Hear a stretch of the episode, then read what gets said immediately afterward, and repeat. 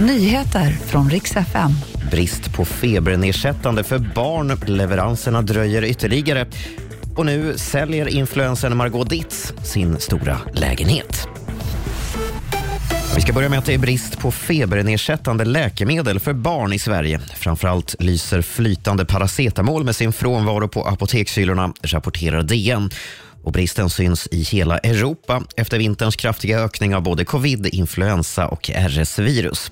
Enligt det bolag som levererar Alvedon till svenska apotek så kommer det dröja till slutet av mars innan leveranserna kommer igång igen.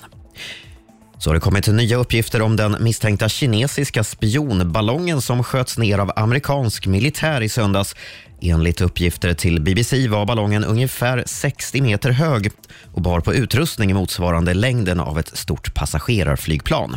Man håller fortfarande på och letar efter vrakrester i vattnet.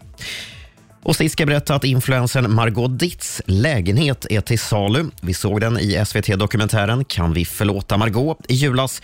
En vindsvåning på 152 kvadrat i centrala Stockholm med synliga takbjälkar, murstock, terrass och inglasad balkong. Nu har den blivit för stor, säger Margot i ett Youtube-klipp och den ligger ute till eh, försäljning för det nätta utropspriset 17,5 miljoner kronor.